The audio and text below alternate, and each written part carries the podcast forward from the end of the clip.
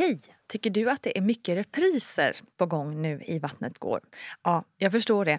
Det beror helt enkelt på att jag, Nina Campioni, just nu har en pop-up second hand i Modgallerian i Stockholm. Så min tid räcker helt enkelt inte tid att göra så många avsnitt som jag hade önskat. Men tills jag är tillbaka på full tid, kom gärna och hälsa på mig i Modgallerian. Vi ses! A lot can happen in three years, like a chatbot may be your new best friend. But what won't change? Needing health insurance. United Healthcare Tri Term Medical Plans, underwritten by Golden Rule Insurance Company, offer flexible, budget friendly coverage that lasts nearly three years in some states. Learn more at uh1.com. When you're ready to pop the question, the last thing you want to do is second guess the ring. At Bluenile.com, you can design a one of a kind ring with the ease and convenience of shopping online. Choose your diamond and setting. When you find the one, you'll get it delivered right to your door. Go to Bluenile.com and use promo code LISTEN to get $50 off your purchase of $500 or more. That's code LISTEN at Bluenile.com for $50 off your purchase. Bluenile.com code LISTEN. Quality sleep is essential. That's why the Sleep Number Smart Bed is designed for your ever evolving sleep needs. Need a bed that's firmer or softer on either side? Helps you sleep at a comfortable temperature? Sleep Number Smart Beds let you individualize your comfort so you sleep better together. JD Power ranks Sleep Number number 1 in customer satisfaction with mattresses purchased in-store. And now, save 50% on the Sleep Number limited edition Smart Bed for a limited time. For JD Power 2023 award information, visit jdpower.com/awards. Only at a Sleep Number store or sleepnumber.com. Planning for your next trip? Elevate your travel style with Quince. Quince has all the jet-setting essentials you'll want for your next getaway, like European linen, premium luggage options, buttery soft Italian leather bags, and so much more. And it's all priced at 50 to 80% less than similar brands. Plus, Quince only works with factories that use safe and ethical manufacturing practices. Pack your bags with high-quality essentials you'll be wearing for vacations to come with Quince. Go to quince.com slash trip for free shipping and 365-day returns. Och, och få liksom känna att jag äger det här. Mm. Jag är inte i någon annans våld, liksom, eller vad man ska säga. Utan jag äger min egen förlossning. Jag kan ta tag i det här och göra det till mitt. Så att jag kan slappna av. God dagens kära lyssnare. Jag hoppas att du mår riktigt, riktigt fint. Välkommen ska du vara till podden Vattnet går med mig Nina Campioni. Vi pratar ju graviditet, förlossningar och allt sånt där mitt emellan och fram och tillbaka kan man väl säga. Och den här veckan ska vi fokusera lite extra mycket på förlossningsrädsla.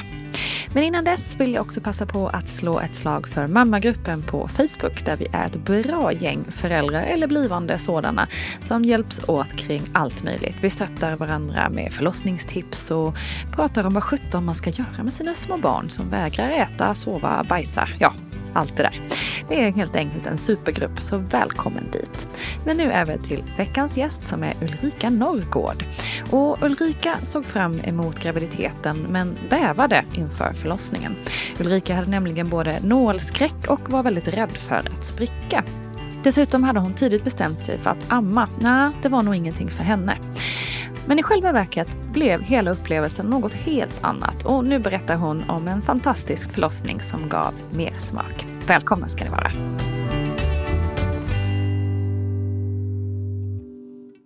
Vecka 37 kommer vi fram till att du nu är nu. Ja, precis. Hur mår du? Jag mår jättebra. Eh, faktiskt. Ser Eh, fantastisk ut. Man ska, inte, man ska ju inte anmärka på det men jag kunde inte låta bli när du sitter här med din tack. fantastiska mage. Och... Tack. Nej men jag mår jättebra. Eh, det, jag har fått lite åderbråck den här gången. Mhm. Och den här bebisen ligger på en uh, jätteskön nerv ner i min ljumske. Men annars så inga, inga andra komplikationer eller något sånt där. Förlåt, åderbråck. Mm. Visst är det som liksom på, på, På benen. typ så, så att liksom blodådrorna syn eller hur? Ja, alltså jag är inte jätteinsatt men det är typ att blodådrorna sväller lite. Mm. Och så blir det, de liksom skrumpnar kanske jättefel men att det blir, de blir knöggliga. Ja Typ. just det. Just det. Ehm, så att det Men är det något som gör ont också eller är det mer att det ser inte så kul ut? Det kan nog göra ganska ont som jag har Mm. förstått det. Och jag vet ju att det är många som behöver operera bort för att de Okej. har fått kraf- kraftigt åderbråck. Mm. Mina är mest obehagliga. Eh, har jag stödstrumpor på så märker jag dem knappt. Okej. Ja. Men vecka 37, alltså det är liksom, det är, du kan pop any second. Det, Ja. det är nästan lite så här overkligt kan jag tycka att sitta bredvid dig som bara så här, shit det är något som helst, det kan hända nu liksom. Det är, alltså när man när det är så abstrakt samtidigt som man vet att det är en bebis. Ja, Där. alltså Hur det, känns det? det känns mycket konstigare den här gången än vad det gjorde förra gången. För förra gången så var jag så inne i graviditeten. Det var varje vecka hände det något nytt Mm. och kollade hela tiden. Och den här gången har det gått så otroligt fort. Mm. För att det har varit så mycket fokus på Tine som redan finns. Mm. Så att helt plötsligt bara, just det, jag har ju någonting i magen också. Mm. Eh, den här bebisen är dock väldigt mycket duktigare på att göra sig hörd. Okej. Eh, eller hörd, känd. ja. Den eh, rör på sig väldigt, väldigt mycket. Mm. Eh, Men det är ändå härligt, eller? Eller är det också stör, väcker dig och sånt kanske också? Det är både och. Ja. den är väldigt, väldigt stark. Mm. Så när den väl sätter igång så är det nästan som att jag får blåmärken på vissa Oj, ställen. jösses. Jaha, det är på en helt Ehm, annan nivå än ja. jag har varit med om. Mm. Och Tine var liksom, hon, hon bökade runt lite sådär så man kände henne och det var ganska mysigt. Mm. Här är det mer att, nej men nu ska jag göra min morgongymnastik, nu ska jag boxas lite och sparkas lite. så att eh, vi missar inte att det finns en bebis där Nej, som, som lever och har det bra i alla fall. Det är skönt. Intressant. Undrar om det blir då liksom ett småsyskon som har en helt annan energi än stora syrran. Det, just nu känns det så. Häftigt. Om man liksom backar bandet lite så vad hade ju du, vad jag förstår det som, em, stark förlossningsrädsla. Så att sitta här och vara gravid med andra barnet, det var kanske inte något du såg em, direkt så. Eller det kanske du gjorde men var en, rädd just för för förlossningen. Ja. Men hur, hur har du lyckats komma från att vara jätte, jätterädd för förlossning till att nu sitta och till synes verkar rätt peppad på Ja, En nej, alltså, peppen är ju helt och hållet Maddys förtjänst. Mm, din Ehm, doula alltså. Min doula Maddy, ja. Som också har varit gäst här faktiskt. Ja, I vår podd. Jättebra avsnitt. Eh, verkligen. Ehm, men eh, nej, men jag, jag, var, jag har alltid varit fullt inställd på att jag vill bli mamma. Mm. Eller rättare sagt, jag vill bli farmor. Det är gott. min stora idol i livet har alltid varit min farmor. Okej, vad fint. Eh, så att jag vill alltid bli, bli som hon och ha en massa barn runt mig. Så, så att, eh, Vad var det, vad är det som gör att hon var så fantastisk? Jag vet, alltså det måste ha varit liksom tryggheten i, i henne. Att, att alltid kunna, kunna gå dit. Gud, eh, hon gick bort i höstas. Så Mhm. Mm. Ehm, nej men hon har alltid varit eh, eh, funnits där liksom. Mm. Alltid efter, efter skolan så gick man hem till farmor och sen så fick man istället för en macka så fick man antingen en, eh, en, eh, här mikropizza eller en nybakad bulle och Mm. mjölk. Ehm, alltid stöttat och ja, nej men fantastisk, fantastisk människa verkligen. Så det var liksom mitt mål. Mm. Och för att bli farmor eller mormor så behöver man ju ha barn först. Ehm, vilket jag också liksom har längtat efter. Och min man också. Ehm, eh, han friade till mig genom att komma hem och säga jag vill ha barn. Gull. och jag sa att jag vill gifta mig först. Ja men vad bra, då gör vi det då. Snart. För jag vill ha barn. Ja, fint. Eh, ja. Men ehm, jag har alltid varit orolig för just förlossningen. Liksom graviditeten, sett fram emot jättemycket. Var mamma, sett fram emot jättemycket. Den där lilla biten mittemellan. Mm. Skräck. Mm. Ehm, Var kom den ifrån? Vet du det? Alltså vad den skräcken bottnade sig i? Alltså, jag tror att det är dels det här väldigt klassiska kontrollbehovet. Så. Eh, att vilja veta vad som händer och vad, jag, vad man kan göra och när det händer. Alltså hela, Mm. hela den biten. Sen så jag älskar min mamma men hennes enda kommentarer kring förlossning har varit Ja, nej, men verkarna var inte så farliga men eh, jag sprack jätte- jättemycket så Mm. de fick sy jätte- jättemycket. Man bara, Just ja, det. vad skönt. Mm. Eh, så det var liksom det jag såg framför mig. Mm. Eh, att det liksom bara skulle gå sönder alltihopa. Mitt i tur typ. Eh, Så det var väl den största rädslan. Eller att det skulle gå vidare till att bli kejsarsnitt. För så var det med min lilla syster. Så det var ju också Okej. en bit som jag hade fått akut kejsarsnitt. Just Någon bara skär upp Mm. magen. Liksom. Mm. Så att, ja, det, det var vad jag gick in i. eh, I mina tankar Mm. när jag tänkte förlossning. Eh, sen har jag också en ganska kraftig nålfobi. Mm. Eh, så att eh, sjukhus eller vård generellt är ganska jobbigt för mig. Mm. Eh, har varit betydligt värre för jag har jobbat väldigt mycket med den. Men när det gäller förlossning så vet man ju aldrig vad man, vad man har för känsla eller vad man är i för situation när man kommer in. Eller när man är där. Så att eh, jag var också rädd att den skulle blomma ut totalt. Mm. Just det. Eh, vilket kan innebära att jag blir helt apatisk. Mm. Eller får jättekraftig panikångest. Mm. Och det känns inte heller som jättebra lägen Nej, att det vara är i. klart att men det, är det skapar ju en, en annan nivå av rädsla. Att det, någonting ska ske som egentligen kanske inte har så mycket med förlossningen i sig att göra. Mm. Liksom. Mm. Precis. Så en dubbel skräck. Ja. Mm. Ehm, så då berättade min man att hans syster hade haft en doula. Mm. Jag hade ingen aning om vad det var innan. Mm.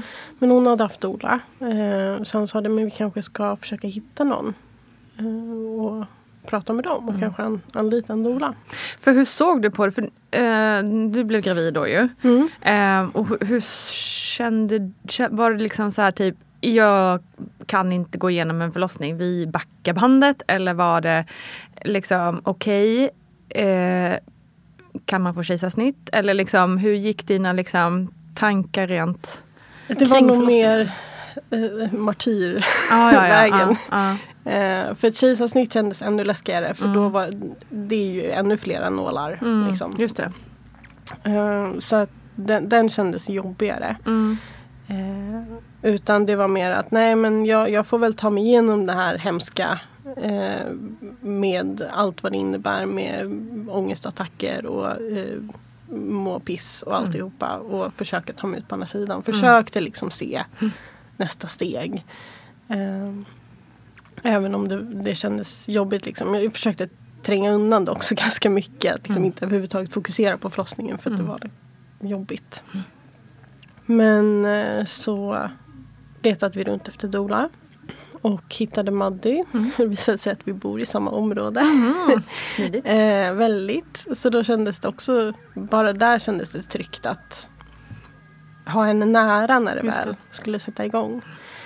Eh, och så träffade vi henne eh, på en fika bara för att känna om det kändes rätt. Och då hade vi bokat in ett par andra dolar också bara för att liksom, känna efter vem, vem som kändes rätt. Eh, och så träffade vi Maddy och då bokade vi av de andra. För att det kändes så bra. Hon, Mm. hon var liksom på, på våran våglängd både för mig och för min man. Mm. Så det kändes jätte, jättebra. Eh, och sen så träffades vi. Vi skulle träffas två gånger men det blev tre gånger. Eh, för att hon gjorde om lite i och med att det var det blev en pandemi mitt i alltihopa. Just det ja. Mm. Eh, så då gjorde hon om till att ha tre möten istället. Mm. Eh, och eh, då gick vi igenom väldigt mycket vad som händer i kroppen. Eh, alltså vad, vad som påverkar och vad, vad, vad bebis gör. Eh, och helt plötsligt så det här kontrollbehovet som jag hade och kände och att jag liksom att jag kände att jag inte skulle ha kontroll under en förlossning. Det försvann liksom sakta men säkert ju mer jag kände mig trygg i att jag förstod vad det det. faktiskt innebar. Mm. Ehm, så det, när, när vi hade haft våra tre möten så plus ett möte hon och jag hade bara om amning. Men eh, ja, då var jag helt plötsligt jättepepp. Ja, Istället. underbart. Otroligt. Ja men det, Och det var egentligen bara samtal? Ja. Liksom. Mm.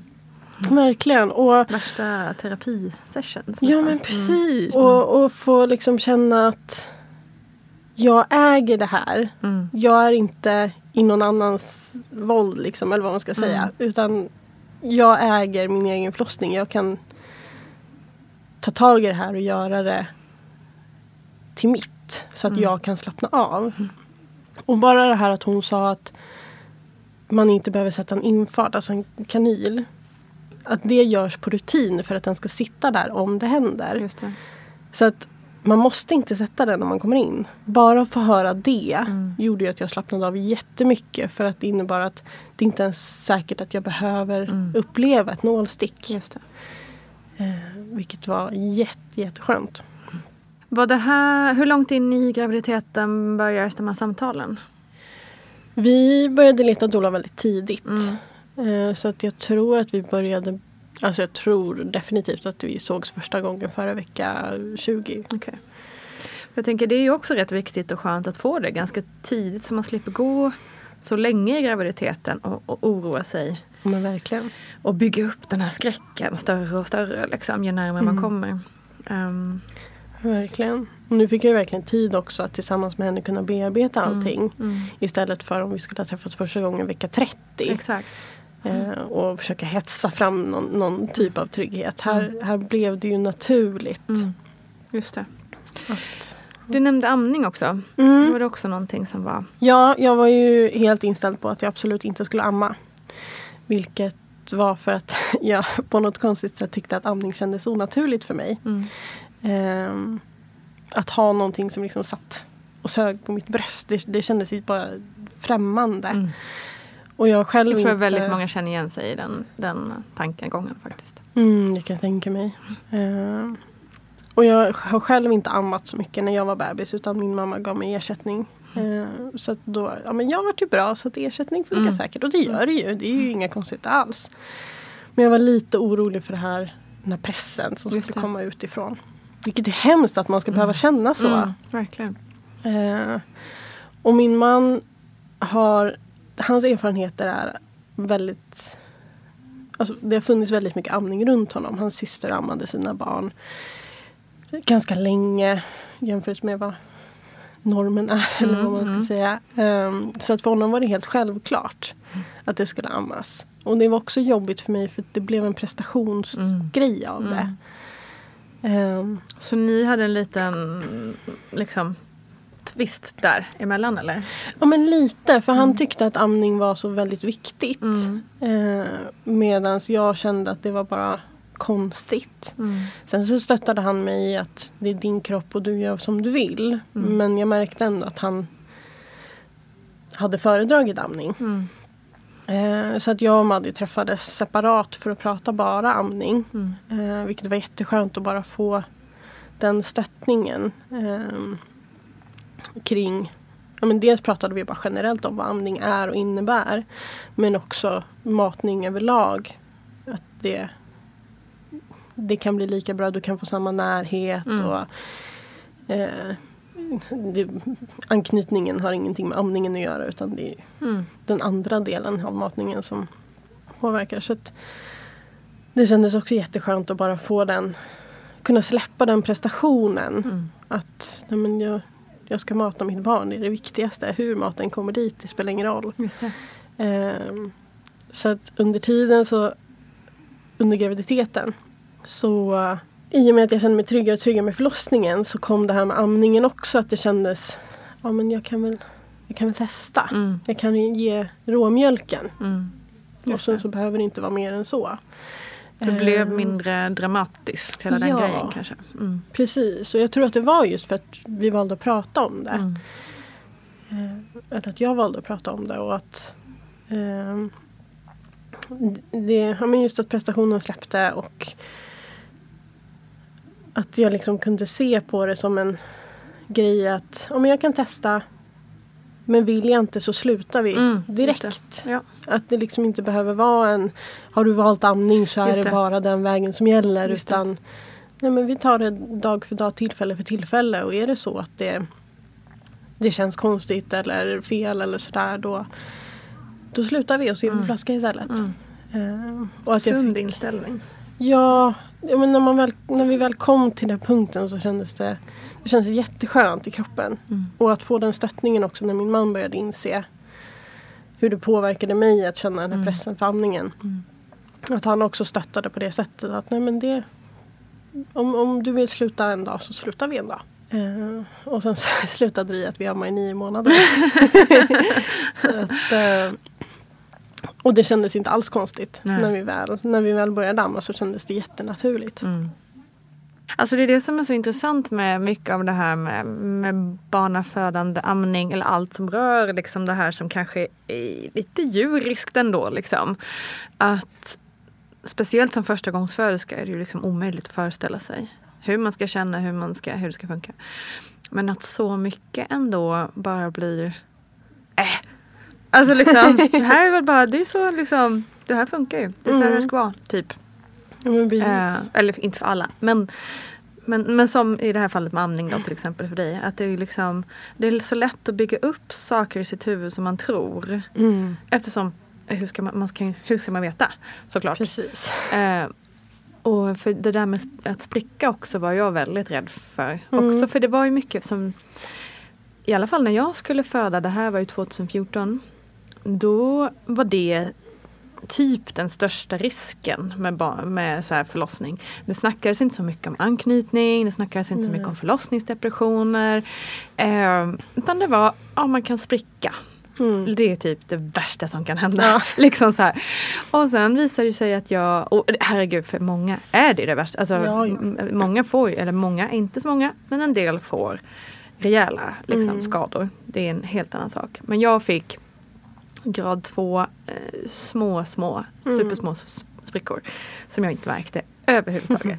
så då blev man ju liksom lite sådär att man, det är så lätt att Bygga upp. att bygga upp skräck för så mycket som i slutändan kanske inte var så stor grej. Liksom. Nej, exakt. Och jag insåg ju någonstans där i vecka 30 att jag sprack ju första gången jag hade sex. Så jag har Ah, redan okej. upplevt det. Gjorde du? Ja. Wow, vill du berätta? Eh, nej, det, det, det låter mer dramatiskt än vad det var. Det var verkligen så här, liksom- sprack mödomen. Ja men typ. Ehm, det, nej men jag, jag var väl hyfsat medveten om att jag var ganska trång. För att Ja, när jag fick mens så hade jag jätteproblem med tamponger. ja okej. Eh, men så, ja, så skulle vi ha sex första Mm, gången. mm.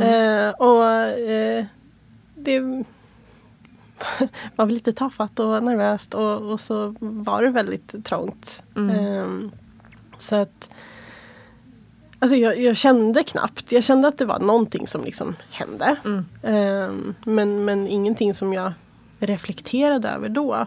Förutom när vi var klara och insåg att det var, det var en ganska stor blodpärl. Just det.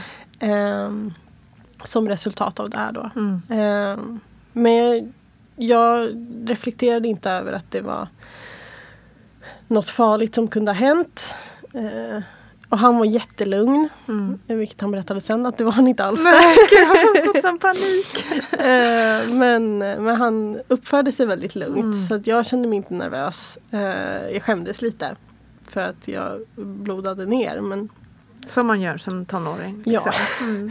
Eh, men sen så tyckte jag också nog att det var lite skämmigt för att jag gick aldrig och kollade upp det. Nej, just det. Eh, utan när de efter förlossningen skulle sy mina bristningar så eh, blev barnmorskorna jättekonfunderade för att det fanns en gammal Fanns skada. En gammal skada. och Gud de vad var så här, det här har läkt men, men det är en spricka. Men, eller en bristning. Men, Mm. men den ser inte ut som de andra.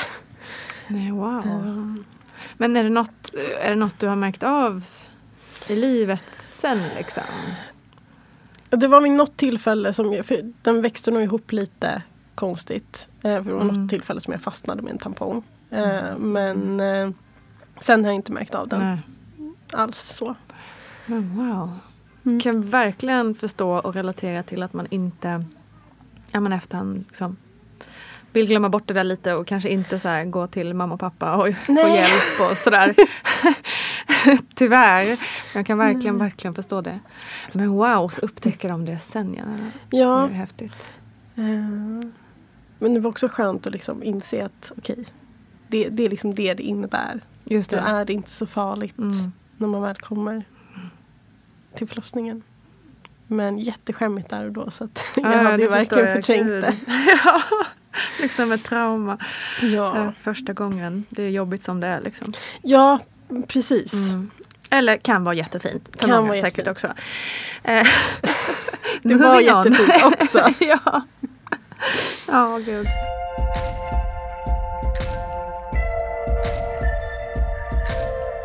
Okej, så ni hade de här samtalen och du började känna dig stärkt helt enkelt. Mm. Och så nämnde du att, att du faktiskt kände pepp inför förlossningen sen. Ja, alltså sista veckorna eh, kanske började krypa på när vi kom till vecka 30 eller något sånt där. Eh, och jag hade ju också skönt för att jag hade en ganska bra graviditet. Mm. Eh, det som var jobbigt var att jag fick eh, ångest i början. Mm. För att, och det är väl eh, alla filmer och tv-serier och sånt där. Men det enda som pratas om är att man mår illa Mm. och blir tung. Mm. Men eh, det är ju massa andra grejer som sker i kroppen också som jag tycker Verkligen. det pratas om alldeles för lite. Mm. För att det, det bildas ju massa extra blod i kroppen. Vilket gör att hjärtat behöver slå mera och hårdare för att pumpa runt allt det här blodet. Eh, vilket i min hjärna var att ja men det är ju så här vi reagerar när vi får ångest. Då har vi ångest nu. Mm. Eh, I vanliga fall så kanske det är tankar som drar igång hjärtat. Men här vart det tvärtom. Så jag hade jätte- jättemycket ångest och jag kunde inte koppla vad det var till. Eh, och eftersom det inte var tankar som hade dragit igång det så var det ju inga av mina vanliga verktyg som, som hjälpte. Mm. Eh, för jag hade ångest, jag har haft en depression jag var yngre. Eh, så jag har ganska mycket verktyg att kunna ta hand om en Mm. liksom, ångestperiod. Men ingenting funkade här. Eh, så att Det jag... gick liksom inte att härleda ångesten till något. Liksom. Nej Mm. men precis. Och just eftersom jag inte förstod det här med blodmängden Mm. så var det ju också svårt att kunna förstå att det var relaterat till graviditeten. Och min...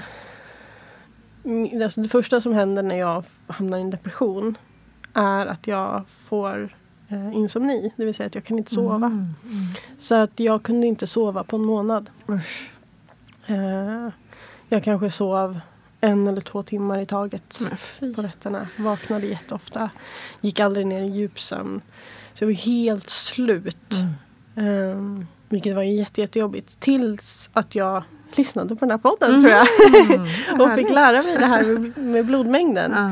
Ja. Ehm, och liksom helt plötsligt kopplade att Jaha, Mm. det är det som händer. Mm. Eh, sen att kunna omvandla det i hjärnan till att försöka få bort ångesten. Det tog ju kanske någon vecka helt så. Mm. Men så skönt.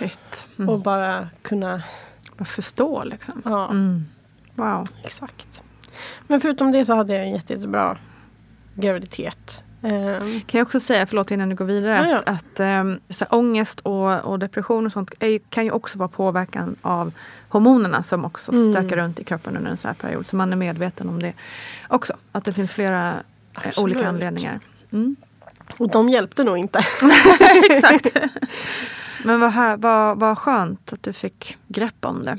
Ja, verkligen. Eh, och som sagt, när det väl var överstökat och vi, jag hade fått prata med Maddy och kände liksom, men jag känner mig fysiskt bra. Mm. Jag mår bra. Eh, och jag börjar känna mig psykiskt lugn för att jag har fått lära mig så mycket. Mm. Eh, och då börjar det liksom krypa på att nej, men, det här kanske blir ganska häftigt Mm. ändå. Mm. Eh, och vi hade ju pratat mycket om smärtlindring och sånt. Mm. Eh, I och med att jag gärna ville undvika nålar. Så mycket medicinsk smärtlindring är ju nålar. Mm. Det är ju EDA och det är kvaddlar och så. Eh, och då var det så okej vad har vi kvar? eh, så min förhoppning var ju att jag skulle kunna bada så mycket som möjligt. Mm. För, som smärtlindring. För att undvika att gå vidare till något som kanske innebar nålar. Men jag var inte helt liksom, låst för att jag var så här, gör det så ont eller om det behövs av någon annan anledning så är det ju klart att vi får ta in det artilleriet också. Mm. Men ehm, att vi ändå liksom, försökte hålla oss till planen att inte komma dit. Eh, så det kändes också jättebra att ha med en ABCD-plan. Just det, exakt. Ehm, för i vilken ordning man vill gå beroende Mm. på vad som, Mm. vad som kan hända. Det var också så här skönt för kontrollbehovet att känna den, Exakt, det måste det ju ha varit. den planeringen. Och det Mm. är det ju för många, jag pratar en del med Gudrun om det, hon har ju eh, samtal med kvinnor som har eh, stark förlossningsrädsla. Att just liksom att sätta upp en plan för si eller så eller hur ja, blir det så här, då gör vi så här. Alltså liksom, även om man inte alltid kan hålla sig till exakt si eller så, så är det ju oftast en väldigt lugnande förberedelse. Precis. Mm. Jag är ju mycket för det här med att man att försöka ta in information. Mm. Sen jag vet att alla funkar olika men jag, jag har svårt att jag skulle ha jättesvårt att gå in i någonting och bara nej men jag tar det som det kommer Mm. och sen inte ha någon kunskap överhuvudtaget. Mm. Det är en annan sak om man har kunskap och liksom vissa tankar men jag tar det som det kommer. Men om man står där och kanske kommer in i samma situation som jag kom in i där jag inte var jättemottaglig för att ha en större diskussion. Då är det svårt om man inte redan från början vet vad det innebär att få en EDA eller eh, vilka smärtlindringsmöjligheter som finns. Eh, eller vad som ska hända eller så.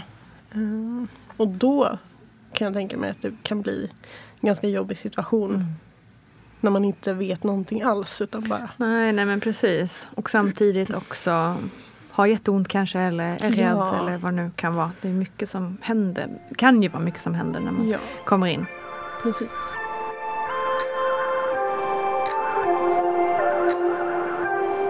Men ska vi ta oss då till eh, tills det var dags liksom? Ja, det var ju mitt i sommaren. Mm. Eh, juli. Och eh, det var en dag där jag kände att jag är inte så hungrig, jag vill inte äta någonting. Så jag käkade inte lunch förrän klockan tre. Och jag är ändå en sån person som älskar mat. eh, jag äter gärna fem gånger om dagen. Ehm, så klockan tre så har jag precis värmt lite mat. Jag ska sätta mig i soffan och käka lite. Och precis när jag sätter mig ner så kommer första verken. Mhm, wow. Eh, och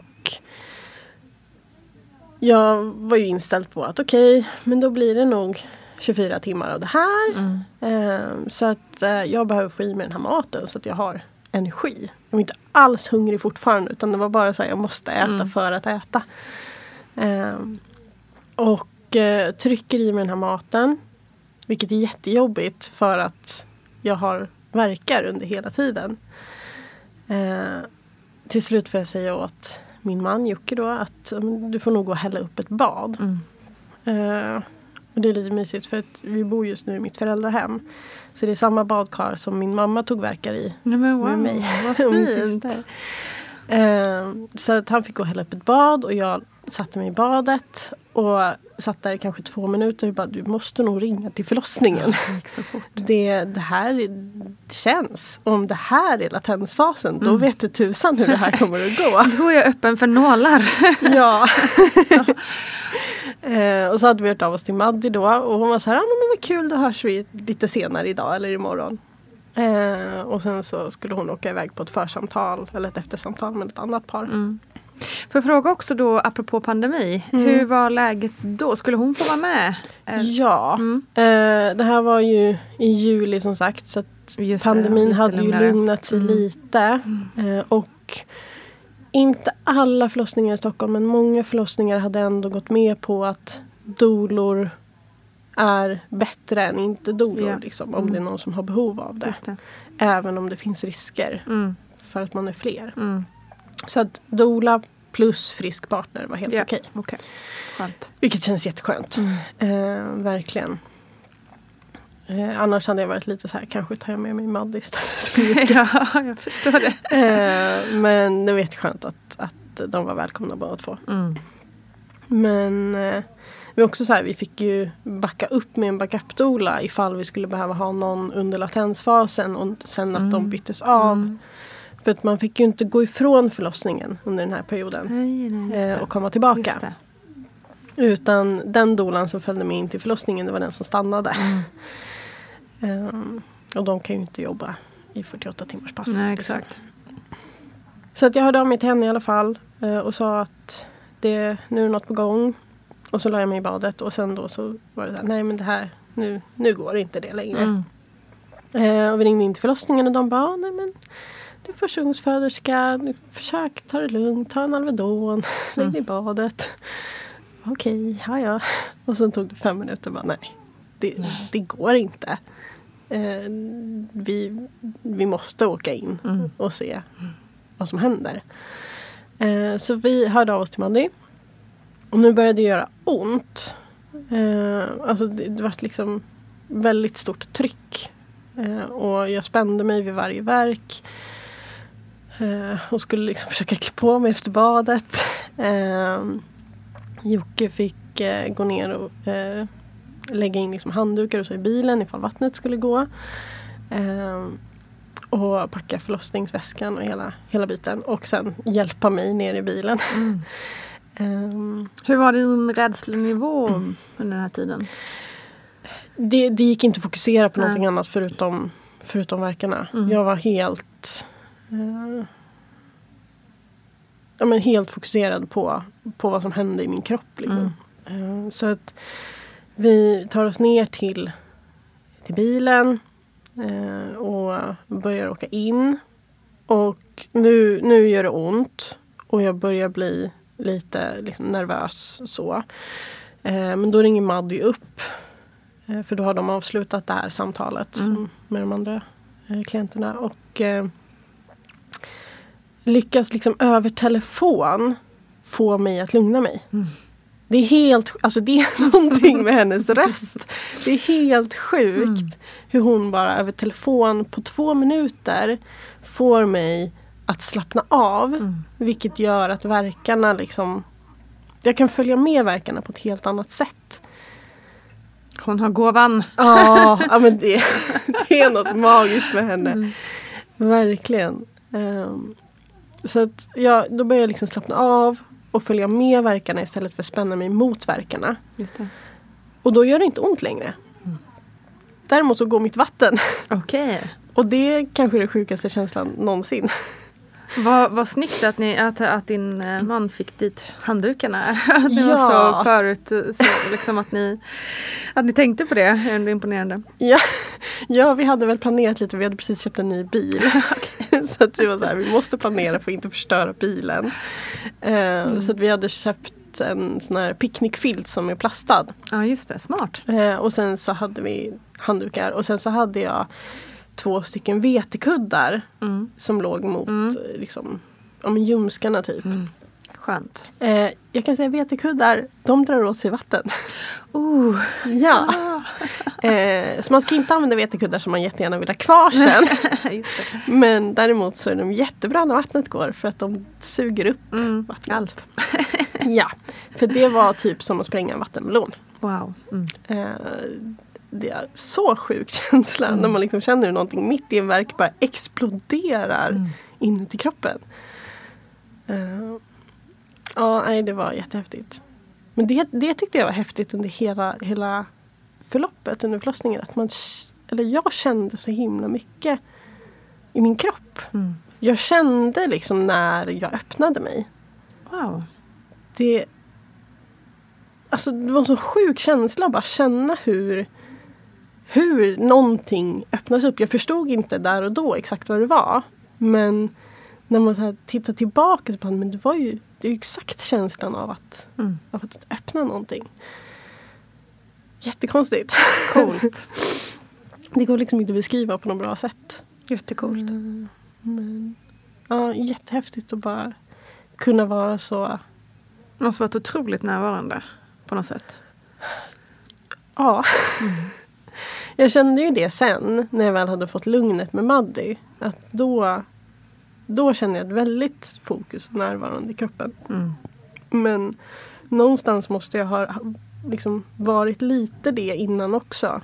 Mm. Att jag liksom började känna redan då vad som hände. Mm. Men ja, Nej, det, det var nog det häftigaste. Att liksom verkligen känna i kroppen vad som händer. Mm. Ja. Häftigt. Ready to pop the question? The jewelers at BlueNile.com have got sparkle down to a science with beautiful lab grown diamonds worthy of your most brilliant moments. Their lab grown diamonds are independently graded and guaranteed identical to natural diamonds, and they're ready to ship to your door. Go to BlueNile.com and use promo code LISTEN to get $50 off your purchase of $500 or more. That's code LISTEN at BlueNile.com for $50 off. BlueNile.com code LISTEN. Even on a budget, quality is non-negotiable. That's why Quince is the place to score high-end essentials at 50 to 80% less than similar brands. Get your hands on buttery soft cashmere sweaters from just 60 bucks, Italian leather jackets, and so much more. And the best part about Quince, they exclusively partner with factories committed to safe, ethical, and responsible manufacturing. Elevate your style without the elevated price tag with Quince. Go to quince.com slash upgrade for free shipping and 365-day returns. Hey Dave, Yeah, Randy. since we founded Bombus, we've always said our socks, underwear, and t-shirts are super soft. Any new ideas? Maybe sublimely soft. Or disgustingly cozy? Wait, what? I got it. Bombus. Absurdly comfortable essentials for yourself And for those facing homelessness. because one purchased equals one donated. Wow, did we just write an ad? Yes. Bombas. Big comfort for everyone. Go to bombas.com slash ACAST and use code ACAST for 20% off your first purchase. I'm Sandra, and I'm just the professional your small business was looking for. But you didn't hire me because you didn't use LinkedIn jobs. LinkedIn has professionals you can't find anywhere else, including those who aren't actively looking for a new job but might be open to the perfect role, like me. In a given month, over 70% of LinkedIn users don't visit other leading job sites. So if you're not looking on LinkedIn, you'll miss out on great candidates like Sandra. Start hiring professionals like a professional. Post your free job on linkedin.com/people slash people today. Mom deserves the best, and there's no better place to shop for Mother's Day than Whole Foods Market. They're your destination for unbeatable savings, from premium gifts to show-stopping flowers and irresistible desserts. Start by saving 33% with Prime on all body care and candles. Then get a 15-stem bunch of tulips for just $9.99 each with Prime. Round out Mom's menu with festive rosé, irresistible berry chantilly cake, and more special treats. Come celebrate Mother's Day at Whole Foods Market. Kom ni fram till förlossningen? Ja. vilken tur. Eh, Vi kommer fram eh, och eh, jag är liksom så här, du får hämta någon för att jag tar mig inte härifrån själv, det går inte. Och Jocke springer in och hämtar en barnmorska som kommer ut och typ vänder i dörren. Och bara okej, vi är på den nivån. Kommer tillbaka med fyra kollegor och rullstol. Ja, tack för det. Och den här rullstolen, jag kommer ihåg, den hade bara ett fotstöd. Så att de var så här, du får hålla ihop benen. Nej, men Och jag, så här, men jag kan inte hålla ihop benen nu, det går inte. Det, är så här, men det, det ser så läskigt ut när du har den andra foten nära hjulet. Jag bara, det, bara kör. Ja, exakt. Det, jag kan inte sätta ihop Nej, benen nu liksom. Eh, och kommer upp. Och eh, det här var ju på BB Stockholm så att det fanns badkar i alla rum vilket var jätteskönt.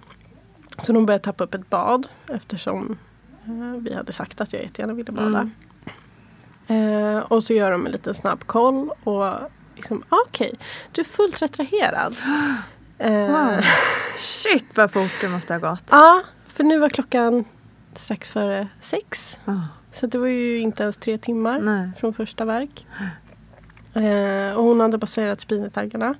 Oj, oj, Så oj. hon var liksom på väg ner. Mm. Eh, men då låg hon åt fel håll. Alltså hon låg med ryggen åt höger. Mm. Så hon behövde liksom snurra tre kvarts varv istället Mm. för ett kvarts varv. Mm. Så att jag låg där i badet och tog verkarna för att hon skulle snurra. Eh, men när jag väl kom ner i badet och så hade Jocke satt igång. Det var också en sån sak som vi planerade. För att en grej som jag alltid använder när jag försöker slappna av när jag hamnar i insomniperioder. Är att lyssna på eh, Harry Potter med Stephen Fry. Mm. Eh, så det var liksom... mysigt. Ja, han har en väldigt skön röst. Och sen så, som det, den Harry Potter-nörd jag är, så har jag lyssnat på böckerna, så, eller läst böckerna och lyssnat på böckerna så himla många gånger. Så att jag kan lyssna och liksom försvinna bort i det som sägs. Men jag behöver inte göra det för att jag vet vad som händer. Just det. Eh, Så att det är en väldigt skön grej att kunna slå på för att jag behöver inte göra någonting. Jag kan bara lyssna Mm. och låta Och kroppen... flyta bort lite. Ja men precis. Plus att en, en ljudbok är ju liksom ofta 20-30 timmar.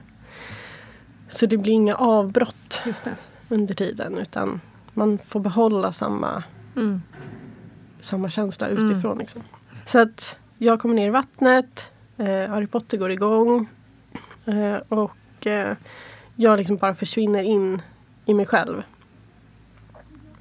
Eh, till den milda grad att jag nästan somnar i vattnet Wow. mellan verkarna. Wow. Eh, så att de fick ju komma ibland och bara nu, nu behöver vi nog komma igång lite för att annars kommer vi behöva sätta eh, verkstimulerande dropp. Mm. Eh, för att Det gick ner så pass i... Ja men precis. Okej. Ehm, men eh, det var det en barnmorska där som Sara, fantastisk människa. eh, som liksom, ja, men jag vet att du inte vill ha nålar. Så eh, försök med att stimulera bröstvårtorna. Mm. För att då ska oxytocinet tydligen komma igång. Mm. Så att verkarna kan komma igång naturligt den vägen. Och jag tyckte det var så himla fint. Alltså jag har aldrig någonsin mött så fint beteende kring min nollfobi Mm. som Mm. under förlossningen. Det var... Ja, men jag kände mig så trygg bara för att de verkligen tog den seriöst. Det. Eh, men det, det funkade inte riktigt för mig. eh, så att till slut kände jag bara att nej, men jag, får väl, jag får väl dra igång dem då. Mhm. Eh, så att när jag kände att men nu har jag vilat färdigt mellan de här verkarna. Då började jag liksom trycka på. Mm. Och då kom verken med Okej. det. Coolt. Eh, så att jag liksom jag startade dem varje gång i liksom slutskedet. Mm. Får jag fråga, förlåt att jag avbryter dig, men Maddi har inte hunnit komma fram gissar jag? Jo, Eller hur eh, gjorde du? Bra fråga. eh, för vi kom ju in där eh, och då har vi haft telefonkontakt under eh, bilresan. Och de var på väg, hon och eh, den andra dolan som var i den, den bilen då. eh, hade ju varit på väg att köra ut till oss Mm. söder om stan. Mm. Och eh, eh, precis när vi började prata om att nu är vi på väg in så fick de liksom göra en jättehastig sväng åt andra hållet istället. så att lagom till att de här barnmorskorna rus- rusar ut med rullstolen så svänger Maddy in Okej. på parkeringen. Men vad skönt. Eh, ja, så det är också så här jättebra timing. så hon kommer upp och är liksom bara lugnet själv. Under hela förlossningen. Mm. Men jag var liksom, jag hade fått så himla mycket från henne under de här veckorna innan. Så att jag var så inne i mig själv och i den här äh, ljudboken att jag knappt reflekterade över vilka som var där. Mm. Det var som alla barnmorskor jag har. Jag kommer inte ihåg vad jag vet ju efteråt vad alla hette för jag läste i journalen. Men där och då så jag hade bara, det var hon med näspiercingen, det var hon med rött hår och det var hon med glasögon. För det var det enda jag hann liksom, Mm. ta in från varje person. Det var en sak. Men det låter ju fantastiskt. Ja, nej men det var, det var en så häftig och alltså, skön upplevelse. För jag hade, jag hade ju inte ont heller. Mm. Utan jag var så med i rytmen med verkarna. Så att, alltså det var inte skönt. men, men det var liksom ingen smärta heller på det sättet. Utan det var mera väldigt, väldigt kraftigt tryck. Mm. Eh, jag har försökt förklara det för kompisar när jag pratat med dem. Så har jag sagt att men det är lite som när man ska göra marklyft. Och så har man för mycket vikt på. Mm. Men man klarar det fortfarande. Men då blir det ju liksom den här spänningen i hela kroppen. Det känns som att man ska skita på sig. Ja men lite. Eh, och att det var mera den känslan snarare än någon form av smärta. Mm. Eh, så smärtan kom ju först när precis när huvudet skulle komma ut. Eh, och då hade hon fastnat med handen liksom under hakan. Mm. Så de fick hjälpa till att lirka ut henne. Eh, men eh, det, annars gick det jättebra. Och jag fick föda i vattnet. Ja, men du lyckades där för du, du, du framkallade ju liksom, verk, liksom eh, kryssningsverkarna typ då. Lite på Ja, egen hand. ja. Och sen kom det igång och det började hända något. Ja, alltså det, Eller? det hände ju massa saker under tiden verkarna fortfarande kom av sig själv. Men det var då hon behövde snurra. Så att för mig hände det inte så mycket. Nej, okej. Men för henne hände det ju massor. Mm. Eh, men sen när de började liksom känna att nu, nu har hon kommit ner hela vägen. Eh, och hon ligger rätt och Mm. sådär. Det var ungefär då som jag hade börjat slappna av lite för mycket. Okej. Så att mm, själva krysta ut henne, då fick jag börja krysta mera medvetet. Liksom. Mm. Hur var det när de upptäckte det här med handen? Då kände, liksom, var du så medveten att du kände att det liksom, åh, det var inte så mysigt liksom, att de ska in och lirka där? Eller, eller var det mer att du inte märkte så mycket? Det blev lite stressigt. Okej. Eh, för att de var liksom så här, ja, men om handen har fastnat där, är det något mer? Liksom navelsträngen ligger där och sånt där. Så de var verkligen nu, nu behöver hon komma ut. Ehm, och eh, då, då kändes det lite mer stressad. Jag kom lite ur min, min synk. Mm. Eh, men eh, det, det var typ två krystverkar så lyckades de lirka Okej. ut henne. Så det var, ingen, det var ingen lång stund men det blev ändå väldigt, väldigt stressigt en kort stund. Mm. Eh, men sen gick det bra. Så fick hon komma upp på min, mitt bröst och eh, vi låg kvar i vattnet en stund. Och det är också jättefint för Madde lyckas ta en bild precis när hon har kommit upp på bröstet Mm. och tittar upp på mig och Jocke. Och liksom det, det är verkligen de första sekunderna av att vi ser varandra. Och det, det är liksom en mobilbild. Den, tekniskt är den inte fantastisk men det är så mycket känsla i den bilden. Så Mm. det, ja, nej, den är så fin. Jag uppskattar den så himla mycket. För det var ju också tanken från början att vi skulle ha haft en förlossningsfotograf med oss. Mm. Mm. Men pandemi. Ja, just det. Så det blev inte riktigt så. Ja, wow. Mm. Vad var känslorna där då? Det var lite som första gången jag träffade min man. Mm. Alltså, det är inte den här överväldigande och jag älskar dig så mycket. Utan det var mer så här, ja men det här är nog, det här kan nog vara min person. Mm. Liksom. Alltså att det, Man kommer hem lite. ja Mm. men lite så. Ehm, så vi fick ligga och mysa i badet en stund vilket också var jätteskönt. Sen Mm. frös jag något otroligt, alltså jag skakade hela förstår kroppen när jag kom upp. Mm. Men eh, nej, där, just där när hon, hon kom ut och fick ligga på bröstet. Det var jättemysigt.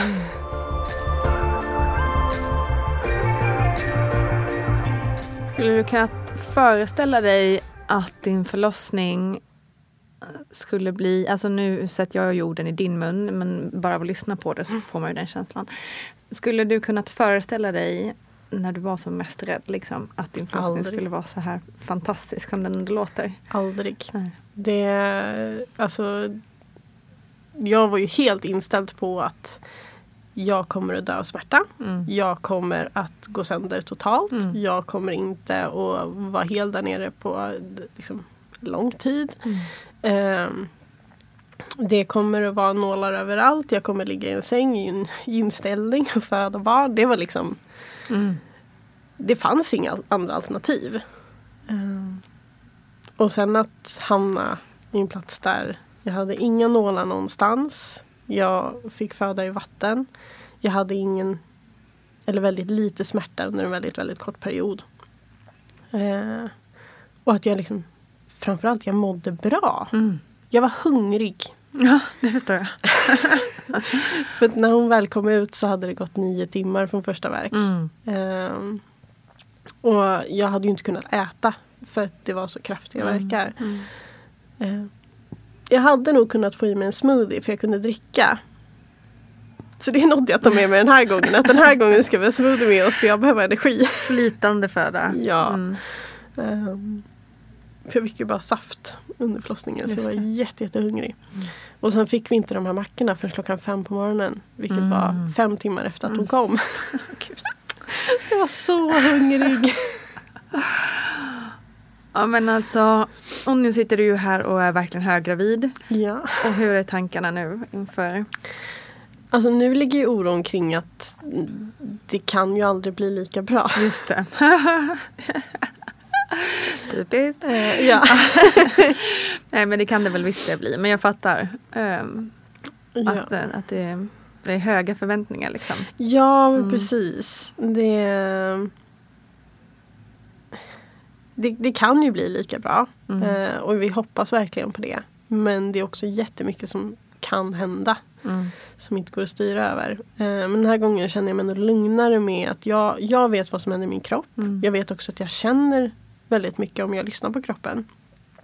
Så att jag kan känna av vad jag kanske behöver Mm. eh, vid, vid olika tillfällen. Eh, Så jag känner mig ändå lugnare. Att även om det skulle innebära någonting som jag kanske helst vill undvika. Mm. Som nålar eller att jag behöver någon annan form av bedövning eller så. Så känner jag mig ändå relativt lugn. Eh, även om jag gärna undviker det. Såklart. Så, Men man vet ju också att man har, har fixat det en gång. Alltså så, Ja. här, så att man är ju lite stärkt i, i vad kroppen klarar och vad en mental, mentala hälsa, liksom vad man mentalt klarar också. precis. Ehm, man tänker ju att eftersom det gick väldigt fort där att du får vara Ja. lite beredd. liksom. Ehm, Vi har ju fått planera Ja. väldigt mycket den här gången. Ehm, för att det... eh, I och med att det tog som sagt nio timmar. Mm. Så det behöver ju inte gå fortare. Absolut Men- inte. Men, men jag tänker ändå att det kan vara bra att ha en korg under. Liksom, att, du går, att du går omkring med någon slags korg under Ja. ditt bäcken ifall ifall. Precis. Jag skojar bara. Eh, nej, men det som har varit mest planering har ju varit stora syster nu. Eller blivande stora Mm. syster. Eh, för att vår familj bor ju inte nästgårds. Just det. Eh, utan det är den som bor närmast har väl ungefär en och en halv timme till oss. Just det. Mm. Eh, så att det har ju varit en oro för Mm. att det har ju också min barnmorska sagt att vi ska ju försöka åka in första verk. Mm. Just det. Eh, I och med att det, det gick så otroligt fort eh, med, med Tine. Mm. Eh, men nu har vi i alla fall kommit till att mamma ska flytta in hos oss några dagar före BF. Det kan ju vara klokt. Ja, Mm. vi har ju tack och lov plats så vi behöver inte bo på varandra. eh, så kan hon också få lite kvalitetstid med, kvalitetstid med Tine. Mm. Just det. Eh, även innan bebis kommer. Mm. Eh, så- Spännande. Ja, Du, innan jag släpper dig så måste jag också bara fråga kring det här med amningen. För du som sagt var ju, kände liksom inledningsvis att det inte skulle kännas naturligt och så Mm. vidare. Hur var då den här inledande amningsupplevelsen? den inledande amningsupplevelsen var fruktansvärd. Ehm, det var någonting i mig som ändå på något konstigt sätt med tanke på vart jag började i tankarna som ändå sa men vi kör, vi kör på. Vi, vi gör det här. Men eh, vi hade lite saker emot oss. För att jag har, eller hade, eh, bröstvårtor som gick inåt. Mm. Eh, vilket absolut inte gör det omöjligt att amma. Men det är ju hud som aldrig någonsin har varit ute. Alltså, Nej. känt luft mot sig. Liksom. Och helt plötsligt så utsätts den huden för väldigt kraftigt sug. Mm. Det gör ont. Alltså jag kan tänka mig att det gör ont även... Det gör det. Ja. Mm. Men, men här var det liksom ett, ett skav även på liksom hud. Mm. Ja, nej, det, det gjorde jätte, jätteont. Och sen så föddes Tine med kort tungband. Okej. Mm. Eh, och det, det är jätteärftligt och hennes pappa har det. Mm. Och först så tyckte jag bara att det var charmigt för att eh, hon har en hjärtformad tunga. Mm. Och jag här, åh men vad gulligt att hon har ärvt det. Det är Mm. jättefint. Och sen insåg jag vad det innebar. Det. Eh, men eh, Hur kom ni runt det då? För det är ju rätt många som har, har det har jag förstått. Eller som har haft problem med amning på grund av det. ja. Eh, och det här är ju en jättestor grej. Det var ju debatter kring det i höstas. Mm, eh, jättemycket. Eh, för att ja, statistiken säger att det är bara mellan 8 och 11 procent som har det här. Mm. Och jag blir så här, ja för att statistiken är ju byggd på de som har fått hjälp. Just det. Och vi har ett jätte, jättestort mörkertal. Mm. Så man kan inte bara hänvisa till en statistik som inte är fullständig. Mm. Ehm, men eh, vi åkte till, först ringde ju AMSAC, alltså amningsmottagning. Mm. Och fick gå på digitalt besök, återigen då pandemi. Ehm, där jag fick lite hjälp med att försöka hitta bra amningsställningar och så. Men det gjorde fortfarande jätte, jätteont. Mm. Eh, och sen eh, fick jag komma in till AMSAC på ett besök. Och eh, det första den barnmorskan säger till mig är Men hon har ju kort tungband. Mm. Alltså vi hann knappt komma in i rummet så såg hon det. Hon tittade inte, knappt in i munnen på Tina. Mm. Utan hon såg det direkt. Ehm, så att hon remitterade oss vidare till en öron näsa halsklinik.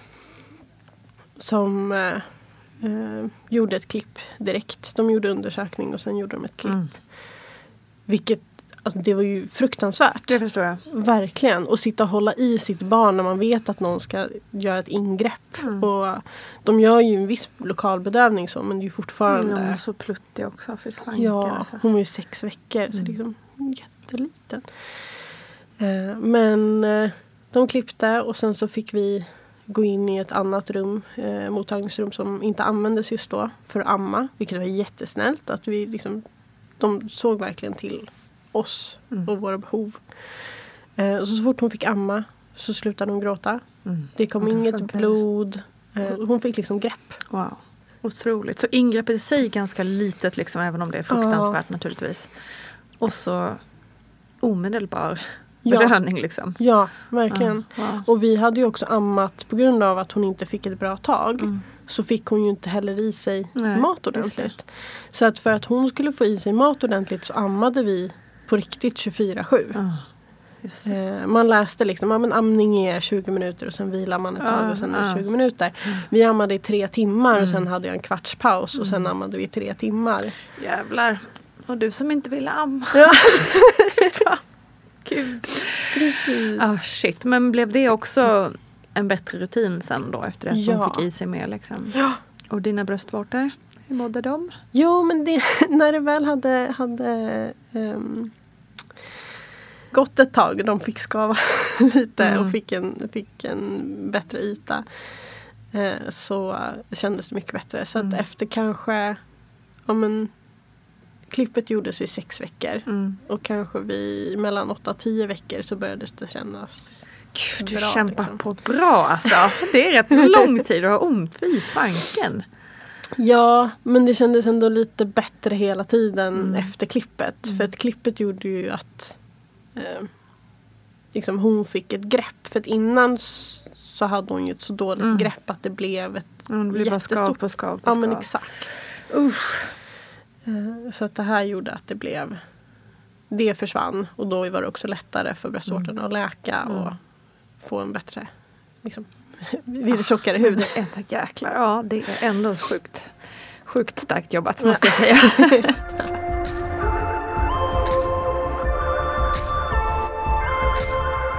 Du, eh, jag ska släppa det här så inte du föder här. Nej, jag bara skojar. Men det, känns, det är så sjukt. Jag blir typ nervös. Det är så spännande.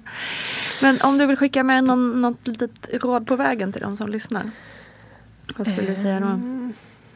Men det är väl lite Alltså dels det här att om, om man känner förlossningsrädsla Att man kanske försöker ta reda på vad den bottnar i.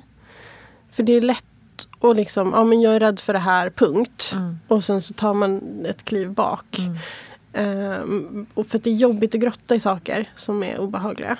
Ehm, men jag tror att det är viktigt att man gör det för att man ska få en så bra upplevelse som möjligt. Mm. Att man liksom tar tag i, och, okej varför är jag rädd? Är det kontrollbehovet? Okej, men vad kan jag göra för att minska det i alla fall? Mm. Eh, kanske inte går att ta bort helt men det kan ju ändå bli bättre så att det känns bättre. Och att man liksom man går in i det och sen också att om jag, jag har ju tyckt att det varit jätteskönt att lyssna på förlossningsberättelser. Till Mm. exempel den här podden. Mm. Jag älskar den här podden. Ehm, men jag vet också att det är många som tycker att det är obehagligt. För Absolut. att man blir rädd. Men jag tror att det är viktigt också att man för när man blir gravid så är det ju väldigt många som kommer fram och bara, men jag vill berätta min historia för dig. Exakt. Eh, Mm. Även oombett. Eh, och att man då kanske skiljer lite på händelse och upplevelse. Eh, I och med att det, det som jag upplevde som positivt kanske någon annan upplevde som jättejobbigt. Mm. Och tvärtom. Det finns ju de som har fått akuta snitt som har tyckt att det var fantastiskt. För Exakt. att äntligen kommer den här bebisen ut. Precis. Medan någon annan som får ett akut snitt upplevde det som fruktansvärt. Mm. Eh, Och att det är viktigt att man som, som lyssnar på en sån berättelse kan lite skilja på vad som faktiskt hände och hur den födande upplevt det. Inte för att förminska den personens upplevelse överhuvudtaget men att man inte ska bli rädd av att någon Mm. annan har upplevt det som jobbigt för det finns så mycket andra faktorer. Och hur man mår när Ja. man är inne i det och sådär. Verkligen jättebra poäng. Jag tänker också att det kan skapa en känsla av skam också. Eller så här, om man hör, lyssnar på en historia så där, där personen som berättar att det var helt fantastiskt när det här hände. Mm. Och så när man själv går igenom det så tyckte man inte alls att det var fantastiskt. Nej. Då kan det också bli så här varför, vad, är det fel på mig nu då eller? Eller alltså Ja. liksom det är lätt att man ja, tar på sig andras känslor och så känner man inte likadant och då känner man sig lite misslyckad typ. Ja men precis. Så det är ju viktigt på båda håll där. Jättebra Ja. poäng. Verkligen. Ja. Och sen så det finns ingen prestation i vad man väljer att göra överhuvudtaget. Utan om det är någon gång man verkligen bara ska lyssna på sin egen kropp och vad man, vad man har för faktiska behov. Så är det när man är gravid, när man föder Mm. barn och precis efteråt. För att det finns inget annat som är viktigt. Utan det, det är att ja, men jag behöver mat, bra, då äter vi. Jag Mm. behöver dricka, bra, då äter vi. Jag behöver ge mitt barn mat, okej, då ger jag det mat. Hur det löser sig, Mm. det är liksom Bra inte, det är inte viktigt. Och det, man tänker så mycket på det under graviditeten. Eller jag gjorde det och många runt omkring mig gjorde det. Och liksom så här förbereda och det måste vara rätt och man måste ha rätt flaskor hemma och man måste ha ditten och datten. Liksom, det löser sig. Mm. Eh, Jättebra poäng. Verkligen bra poäng. Bra slutord tycker jag. tack för det och lycka till! Tack. Stort, stort tack Ulrika Norrgård. Så fint att något som kan vara så jobbigt på förhand kan liksom ändras och, och till slut blir det en personlig stor vinst. Underbart.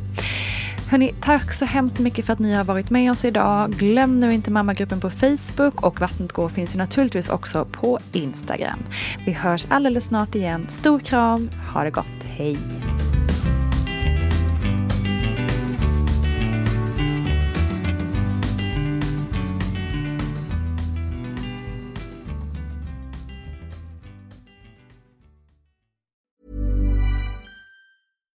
Hey, it's Paige DeSorbo from Giggly Squad. High quality fashion without the price tag. Say hello to Quince.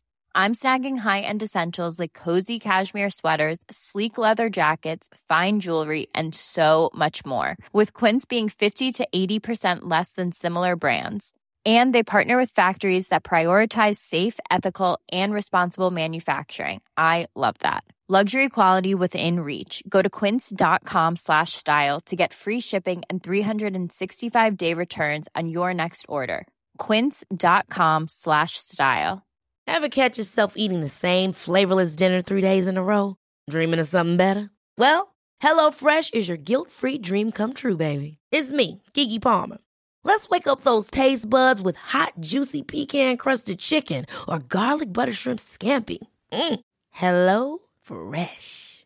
Stop dreaming of all the delicious possibilities and dig in at HelloFresh.com. Let's get this dinner party started.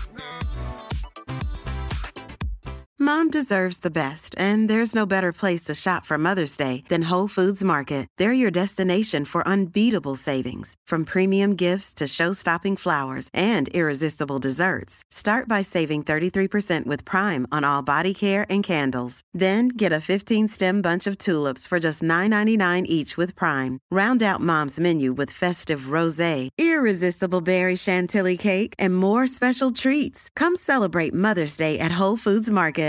Hi, I'm Daniel, founder of Pretty Litter. Cats and cat owners deserve better than any old fashioned litter. That's why I teamed up with scientists and veterinarians to create Pretty Litter. Its innovative crystal formula has superior odor control and weighs up to 80% less than clay litter. Pretty Litter even monitors health by changing colors to help detect early signs of potential illness. It's the world's smartest kitty litter. Go to prettylitter.com and use code ACAST for 20% off your first order and a free cat toy. Terms and conditions apply. See site for details.